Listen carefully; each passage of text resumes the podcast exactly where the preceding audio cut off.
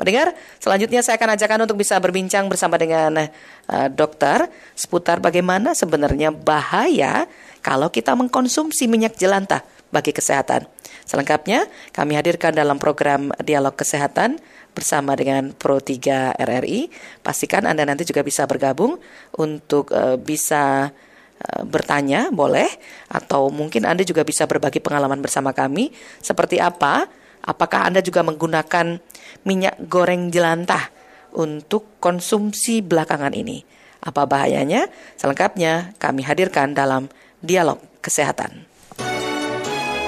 Dialog Kesehatan. Saya sudah bersama dengan Dr. Ade Arsianti, SSI MSI, dari Departemen Kimia Kedokteran. Ya, selamat pagi. Apa kabar Dr. Ade Arsianti? Selamat pagi, Bu Esti. Alhamdulillah kabar baik. Salam sehat. Ya, salam sehat juga untuk semuanya. Baik. Ini kan kita agak bingung juga ya harga minyak goreng mahal, tetapi ya. Uh, kalau kita mau ngirit apakah harus pakai minyak jelantah? Ada bahayanya untuk kesehatan atau tidak ini? Uh, sekaligus uh, edukasi ya bersama uh, dari aspek kesehatan bagaimana? Silakan Bu Ade. Iya, uh, baik terima kasih ya Bu Esti ya. Jadi memang dengan uh, langkanya dan juga mahalnya minyak goreng ini kan sebetulnya uh, menjadi uh, kita uh, semuanya gini ya memanfaatkan kembali minyak goreng ya minyak jelantah ya. Jadi minyak jelantah itu uh, definisi dari minyak jelantah itu sebetulnya minyak yang sudah digunakan untuk menggoreng. Jadi minyak goreng bekas ya sudah lebih dari dua atau tiga kali dipakai untuk menggoreng. Nah ini biasanya uh, kalau kita sudah gunakan dua sampai tiga kali kan kita langsung buang ya minyak jelantah ini. Hmm. Tapi sekarang mungkin karena harga minyaknya mahal, jadi minyak jelantahnya ini sayang kalau dibuang gitu. Jadi untuk menghemat mungkin banyak uh, warga masyarakat yang menggunakan kembali ini minyak goreng ya, minyak goreng jelantah ini ya untuk dipakai lagi untuk menggoreng. Nah ini sebetulnya ada bahayanya untuk kesehatan ya, hmm. karena minyak yang sudah digunakan berkali-kali menggoreng itu pertama ya uh, pada saat menggoreng itu kan uh, disertai dengan pemanasan. Nah pemanasan itu bisa menyebabkan terjadinya proses uh, oksidasi, menghasilkan radikal bebas dan juga senyawa-senyawa peroksida. Nah, senyawa radikal bebas dan peroksida ini yang kalau terkonsumsi ya e, oleh kita ya itu bisa menyerang sel-sel yang sehat. Nah, akan e, menghasilkan sel-sel yang e, tidak normal atau sel kanker. Nah, jadi dia bisa e, memicu e, meningkatnya risiko e, kita menderita kanker karena mengkonsumsi minyak jelantah. Itu dampak jangka itu. panjang ya, Bu Ade ya?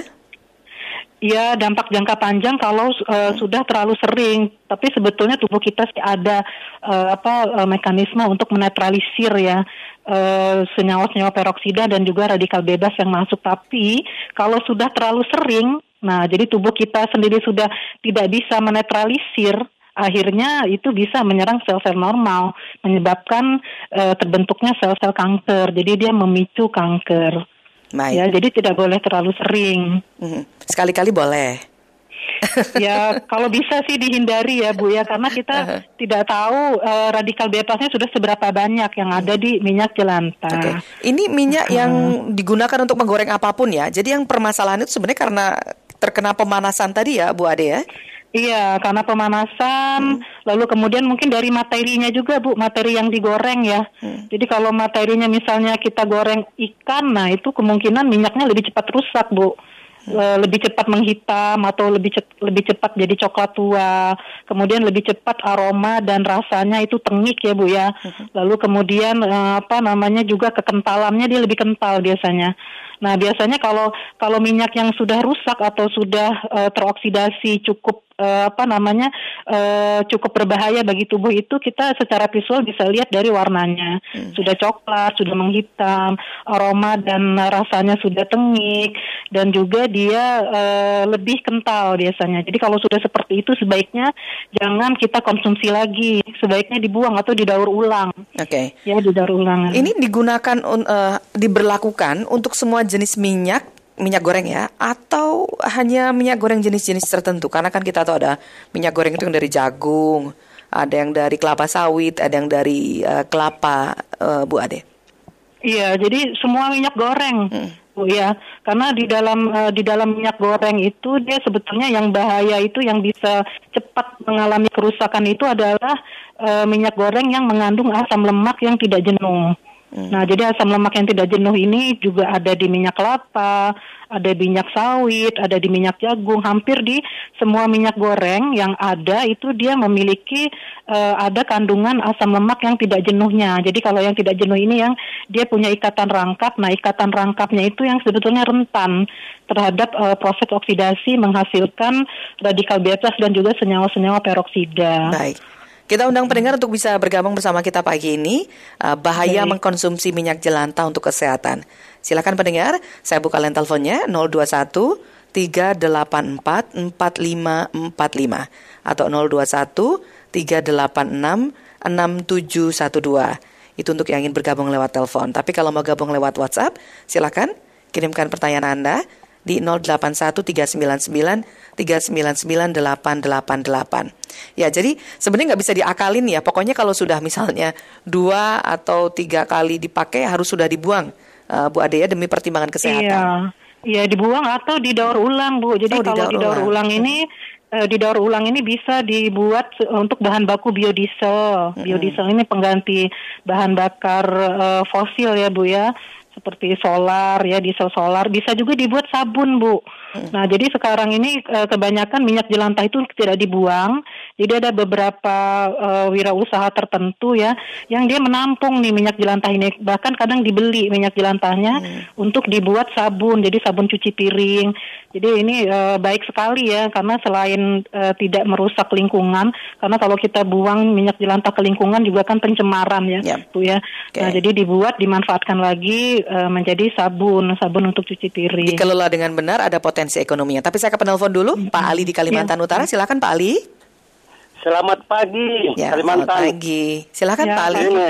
Begini, begini dokter, apakah benar ini dokter?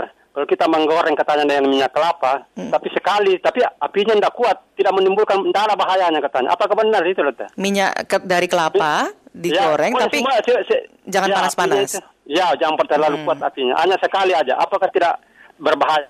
Hmm, baik, terima kasih okay. Pak Ali di Kalimantan Utara. Nah, langsung ditanggapi dulu, Bu Ade Arsianti. Iya, baik ya Pak ya. Kalau cuma sekali, kemungkinan hmm. radikal bebasnya uh, masih sedikit terbentuk ya Pak ya. Tapi kalau sudah berkali-kali itu yang tidak boleh Pak ya. Jadi uh, batas ya, batas kita menggunakan minyak goreng untuk menggoreng itu adalah 2 sampai tiga kali.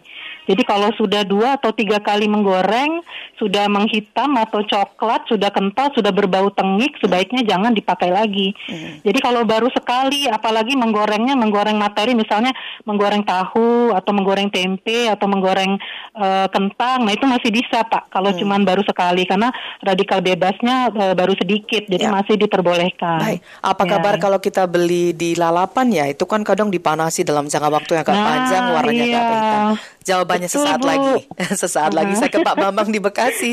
Pak Bambang, lalapan tuh enak, yeah. tapi kalau lihat minyaknya kadang kayak uh, makan enggak ya, makan enggak ya. Pak Bambang yeah, di iya. Bekasi yeah. silakan. Selamat siang. Mm-hmm. Salam iya, sehat. Yeah, siang, Pak. Salam sehat, yeah. Pak. Uh, itu mau mohon penjelasan mengenai apa kanker kanker apa mohon diperjelas gitu Oh, potensi itu, kanker karena konsumsi uh, minyak jelantah ya? Soalnya orang hmm. kan bertanya ini menimbulkan kanker, kanker di mana, hmm. uh, nanti akibatnya gimana gitu. Baik. Mohon diperjelas, terima Siap. kasih. Terima kasih Pak Bambang di Bekasi, Pak Ramadan di Sorong, silakan Pak Ramadan. Ya, halo, selamat siang. Selamat siang. Dan, uh, Bu Dokter ya, hmm. salam sehat. Ya. Terima kasih. Sehat, Pak. Ya, salam sehat. Ya. ya, nah itu uh, saya kira bahwa kesehatan itu kan bagi semua orang adalah hal yang paling paling esensial sekali kan, paling mendasar hmm. untuk apa seperti itu saya paling nggak bisa, paling nggak suka lihat seperti itu. Saya pernah tegur beberapa orang gitu, udah masih cenderung hitam masih dipakai. Hmm. Ah, hmm. jadi iya di samping sudah anu apa kesehatannya juga dan akan tidak enak tentunya kan kalau dimasak hmm. apa pun. Yeah. Pertanyaan saya pertanyaannya bahwa kalau untuk saya biasa campur sama nasi, tapi saya kasih untuk hewan, untuk kucing itu nggak apa-apa hmm. karena kan yeah. anunya berbeda apa namanya, hmm. ya organ tubuh itu berbeda. Iya, iya, iya. Hmm. Eh, iya. Itu saja. Baik. Pak. Menurut dokter gimana kalau untuk hewan seperti Terima kucing kasih. ataupun yang lainnya Ya. ya. Terima kasih ya. Pak Ramadan di Sorong. Sedunia. Baik, Iya. itu tadi Pak Ramadan di Sorong. Ya, Bu Ade, kita akan kembali untuk jawaban bagi pendengar yang sudah bergabung, tapi saya mau ke informasi yang berikut ini terlebih dahulu, tetap bersama kami. Kilas Berita. Presiden Joko Widodo melakukan kunjungan kerja ke Provinsi Jambi hari ini Kamis 7 April. Dalam agenda tersebut Jokowi akan membagikan bantuan langsung tunai minyak goreng. Jokowi terbang dari Bandara Internasional Soekarno-Hatta Tangerang pagi tadi pukul 7 ditemani Ibu Negara Iriana dalam kunjungan kerjanya. Dan setibanya di Bandara Sultan Taha Saifuddin Kota Jambi, Presiden dan Ibu Negara akan langsung menuju ke Pasar Angso Duo untuk menyerahkan sejumlah BLT minyak goreng kepada masyarakat penerima manfaat. Untuk informasi lainnya pendengar dapat Anda baca di portal resmi kami rri.co.id. Kilas Berita. Pro 3, Jaringan Berita Nasional. Masih bersama Dr. Ade Arsianti SSI MSI dari Departemen Kimia Kedokteran. Kita bahas seputar bahaya mengkonsumsi minyak jelantah bagi kesehatan dalam dialog kesehatan kali ini. Tadi sudah ada tiga penelpon yang bergabung. Silakan ditanggapi dulu Bu Ade. Ya baik, eh, terima kasih ya. Jadi yang pertama tadi kankernya jenis kanker apa ya yang bisa terjadi kalau kita mengkonsumsi minyak jelantah. Jadi ya kanker yang eh, mungkin eh, dari banyak kasus itu ya kalau kita konsumsi minyak jelantah itu kankernya yang pertama adalah kanker laring. Karena eh, kadang-kadang kalau kita mengkonsumsi makanan yang digoreng dengan minyak jelantah itu eh, kadang-kala tenggorokan kita terasa gatal ya. Pak ya terasa gatal. Nah itu kalau terlalu, terlalu sering itu bisa menyebabkan nanti eh, kanker laring namanya. Ya, jadi kanker pada eh, daerah eh, nasofaring ya, pada daerah tenggorokan. Tenggorokan, ya. Nah kalau nanti tertelan masuk ke sistem pencernaan, nah itu nanti eh, bisa mengakibatkan eh, kanker kolon atau kanker usus ya. Kita kenal dengan kanker kolon atau kanker kolorektal. Karena kalau sudah masuk ke sistem pencernaan, tentunya sel-sel yang ada di sistem pencernaan nah, eh, di jaringan itu yang akan diserang oleh senyawa-senyawa radikal bebas ini ya sehingga akhirnya yang paling banyak memang kankernya itu adalah kanker laring ya pada tenggorokan dan kanker usus atau kanker kolorektal Baik, atau kanker sampai kolon. kanker kita tahan dulu Pak Johan di Jakarta sudah bergabung bersama kita. Pak Johan, silakan. Iya, selamat pagi. Selamat pagi. Pagi Terus, Pak. Eh, selamat pagi dokter. Ini saya kasih tahu nih. Mm-mm. Tahun 2000 ya di atas tahun 2000 lah. Itu minyak goreng jelantah mereka kumpulkan terus mereka pakai itu pengalaman saya yang saya tahu tuh. Jadi kelola Eh, Pak. Iya. dikumpulkan untuk dimasak kembali pakai bahan bahan kimia yang untuk dibeningkan. Hmm. Nah, Hmm. itu dijual eh, minyak goreng curah. Iya, curah. betul, betul. Iya. Ya. Jadi hmm, hmm, hmm. itu yang bikin bahaya. Kalau Iya, untuk betul betul. eh, biodiesel sama bikin sabun sih Kan itu bukan nggak jadi buat- soal. ya, ini ini ya. yang bahaya Oh, sekali baik. ini yang Iya saya betul tahu betul nih. Pak. Iya, karena betul, itu betul. curah. Dia bikin dia Ah, jual ah, ah. curah.